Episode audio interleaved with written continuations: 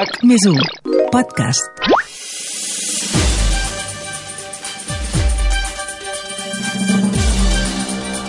RAC més 1 us ofereix 14F amb Adrià Santa Susanna, la guia pràctica per les eleccions del 14 de febrer amb el suport de la Generalitat de Catalunya. Hola, què tal? Estem en un món convuls que canvia ràpidament i a batzegades, i en què la informació es multiplica per tot arreu. Moltes vegades, evidentment, a les xarxes socials. Però la mateixa vegada que la informació es multiplica, també es multiplica la desinformació i les teories conspiranoiques que l'acompanyen. I és que no només són quatre gats els que les alimenten, perquè hem vist personatges de primer nivell que ho han fet. Hem vist, per exemple, el cantant Miguel Bosé amb el coronavirus, però anant al tema que ens toca, ho hem vist als Estats Units.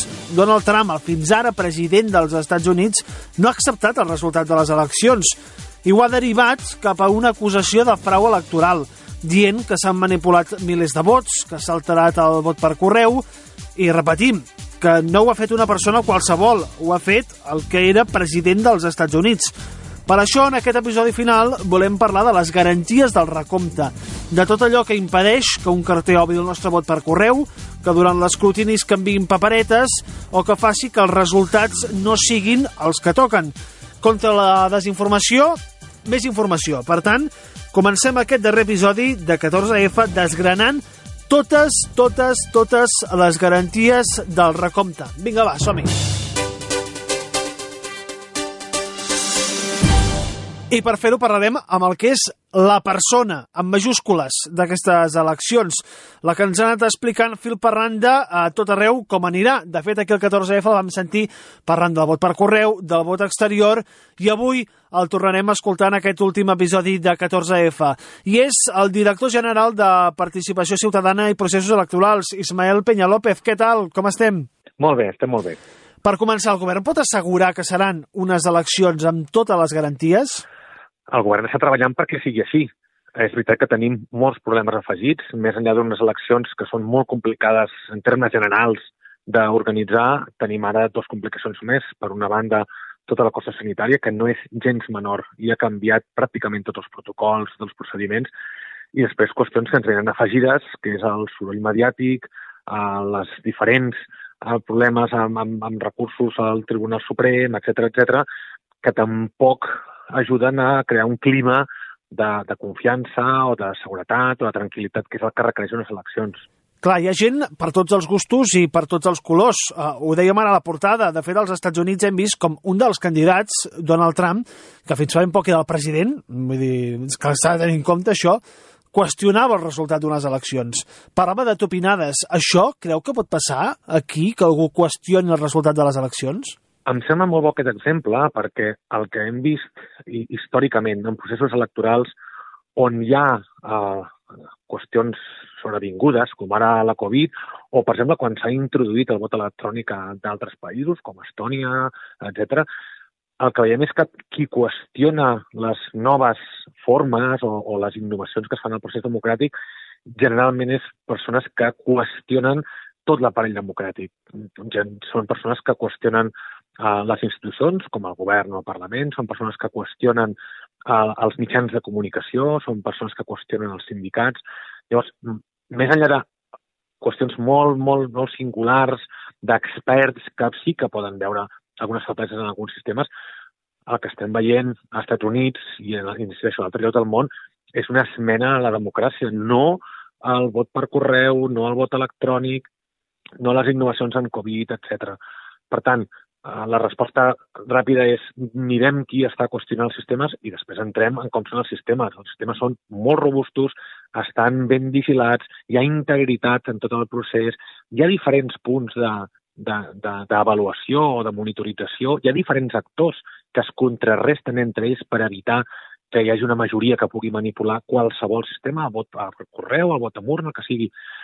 Per tant, mm, el que estem veient, insisteixo, eh, en alguns àmbits, és la impugnació a la democràcia, no a un vot en concret, a una manera en concret. Per totes aquelles persones que tinguin dubtes sobre les garanties del recompte, el vot per correu, tot plegat, m'agradaria que comencéssim a resoldre dubtes. Per començar, aquestes són, sens dubte, les eleccions del vot per correu.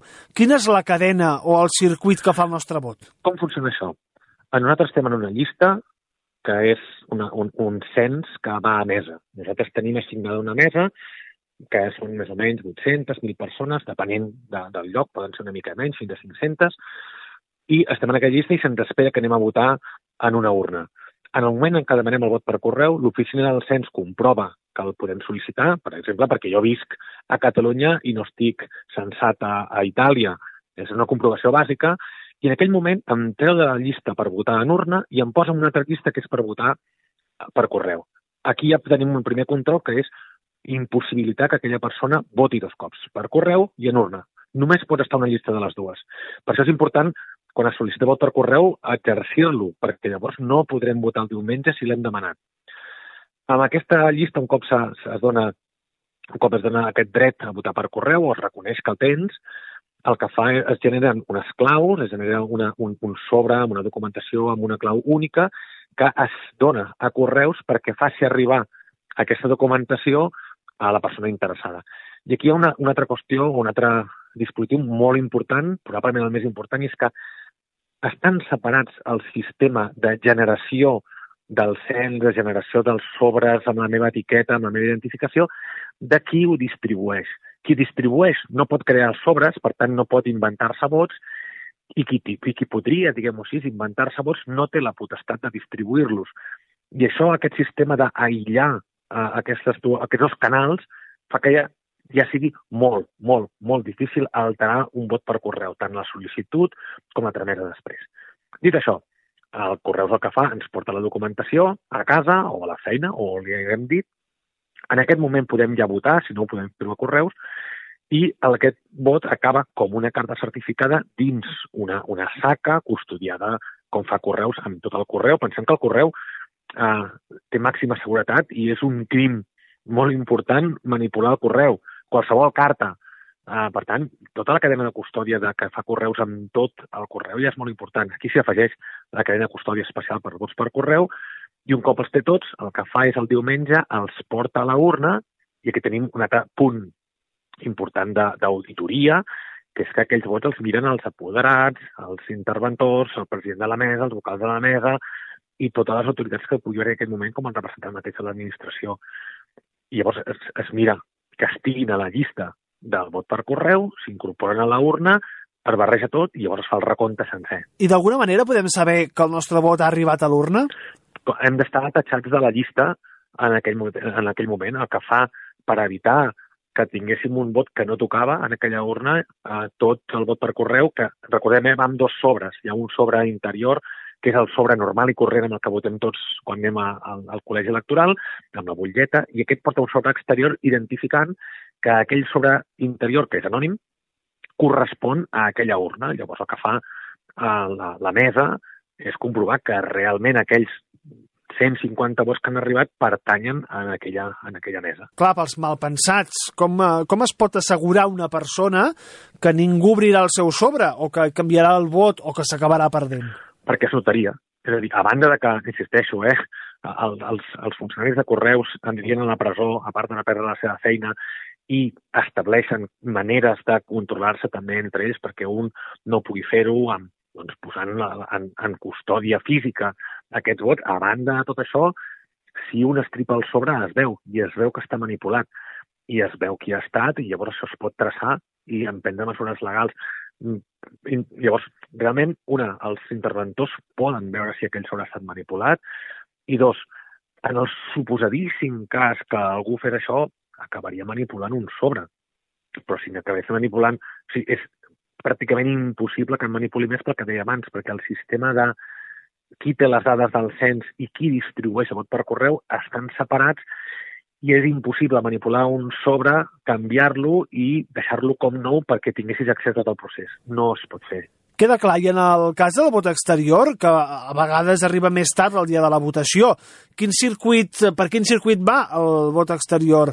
Perquè, clar, hem de tenir en compte que els col·legis electorals molts cops ja estan desmuntats quan arriba. Per tant, com es comptabilitza el vot exterior i on va? El, el vot exterior és, encara que vagi també per correu, és molt diferent al vot per correu, no té res a veure, i en aquest cas, efectivament, eh, aquest vot no va en urna, sinó que va a les juntes electorals de província que fan el recompte oficial. Recordem que les dades que veiem en els mitjans de comunicació la nit electoral són provisionals. El que passa és que ja pràcticament no canvia res, però és cert que després les juntes electorals comproven que aquelles actes que han rebut es corresponen amb les, amb les dades que hi ha entrades a la base de dades. A vegades hi ha eh, qüestions que, la, que les meses han elevat. Per exemple, aquest vot és nul o no és nul? Doncs tenim un dubte i es, es deixa, eh, se fa doncs, una nota per la Junta Electoral perquè ho dirimeixi. I en aquest punt on les juntes electorals acaben de validar les actes i validar els casos dubtosos, etc., s'incorpora el vot a l'exterior.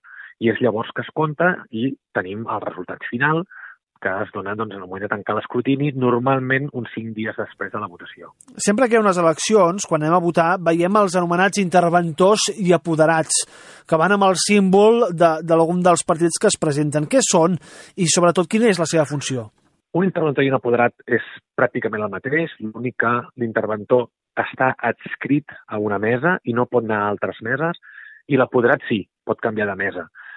I si no hi ha un interventor, llavors l'única diferència que hi ha entre l'entre el és que té veu a l'hora de, doncs, si hi ha un dubte sobre un vot, que si és nul o no és nul, aquest interventor té veu. Aquesta és la seva funció. Uh, L'apoderat no té aquesta veu, a no ser que no hi hagi interventor, llavors sí que supleix aquesta funció. El que fa l'interventor o els interventors és ajudar a la mesa electoral a resoldre casos dubtosos. Aquest vot és nul o no és nul, per exemple. Algú posa dues paperetes sense voler dintre el sobre si són del mateix partit, generalment s'accepta i ja està. Si són de diferent partit, això és nul. Bé, de vegades pot haver alguna discussió, doncs la feina dels interventors és ajudar a la mesa electoral a decidir sobre aquella qüestió. I, evidentment, hi ha una part de, de vigilància del procés. Una cosa que fan els interventors o els apoderats és vetllar perquè sempre hi hagi totes les butlletes de tots els partits a la, a la taula perquè la gent pugui votar. No és la seva responsabilitat, és responsabilitat del president de la mesa, però ells tenen aquest poder de dir, escolteu, aquí està fallant el procediment perquè falten les butlletes del partit X. Doncs aquest tipus de vigilància tot el procés és el que fan, especialment el recompte, però durant tot el dia. Situem-nos a les 8 del vespre del 14 de febrer, quan acaba la votació. Com es fa el recompte? Doncs el que es fa és comptar els sobres per contrastar que tenim tants sobres com persones hem apuntat que havien vingut a votar. Si això quadra, llavors s'obren els sobres i es compten, i llavors hi ha una acta que amb totes les candidatures d'aquella mesa o d'aquella demarcació i s'apunta al costat la suma de, de vots que s'han emès. Això es, normalment es compta dos o tres cops per assegurar-nos que no ens hem deixat eh, cap vot pel camí perquè s'ha traspaperat, etc. Un cop el tenim en l'acte, se suma, això ha de coincidir amb el número de sobres que tenim i amb el número de persones que han votat, i si tothom està d'acord, s'assigna l'acte i s'envien les dades. Ja per acabar, un parell de coses molt ràpides de cara a la votació si treballem diumenge, podem sortir eh, de treballar o entrar-hi més tard per anar a votar? Com va això? Sí, el dret a votar és inalienable i, per tant, un té el, el permís per anar a votar al mínim temps que li suposi. Llavors, aquí hi ha una sèrie de, de paràmetres de, en funció de la distància que estàs al teu col·legi electoral i el col·legi electoral et pot donar una, una, un rebut, diguem-ho així, una, una comprovació, un comprovant, perdó, de, de vot perquè tu puguis portar-lo a la feina i justificar que no te n'has anat a, a un bar, sinó que realment has d'exercir un dret fonamental. I també ho heu anat explicant des del departament tots aquests dies, i vostè mateix, però per recalcar, serà segon a votar presencialment i què hem de tenir en compte per anar a votar? Portar el vot preparat de casa, així estalviem temps uh, uh, en el local electoral quan ja estiguis a la cua, preparar el teu DNI, passaport o amb el que t'hagis d'identificar per no haver d'entretenir-te un cop a dins i portar, evidentment, la mascareta de casa, les mans netes amb gel hidroalcohòlic i mantenir les distàncies. Res que no haguem fet en els últims 10 mesos. Doncs Ismael Peñalópez, director general de Participació Ciutadana i Processos Electorals, moltes gràcies i, sobretot, molta sort. Moltes gràcies a vosaltres.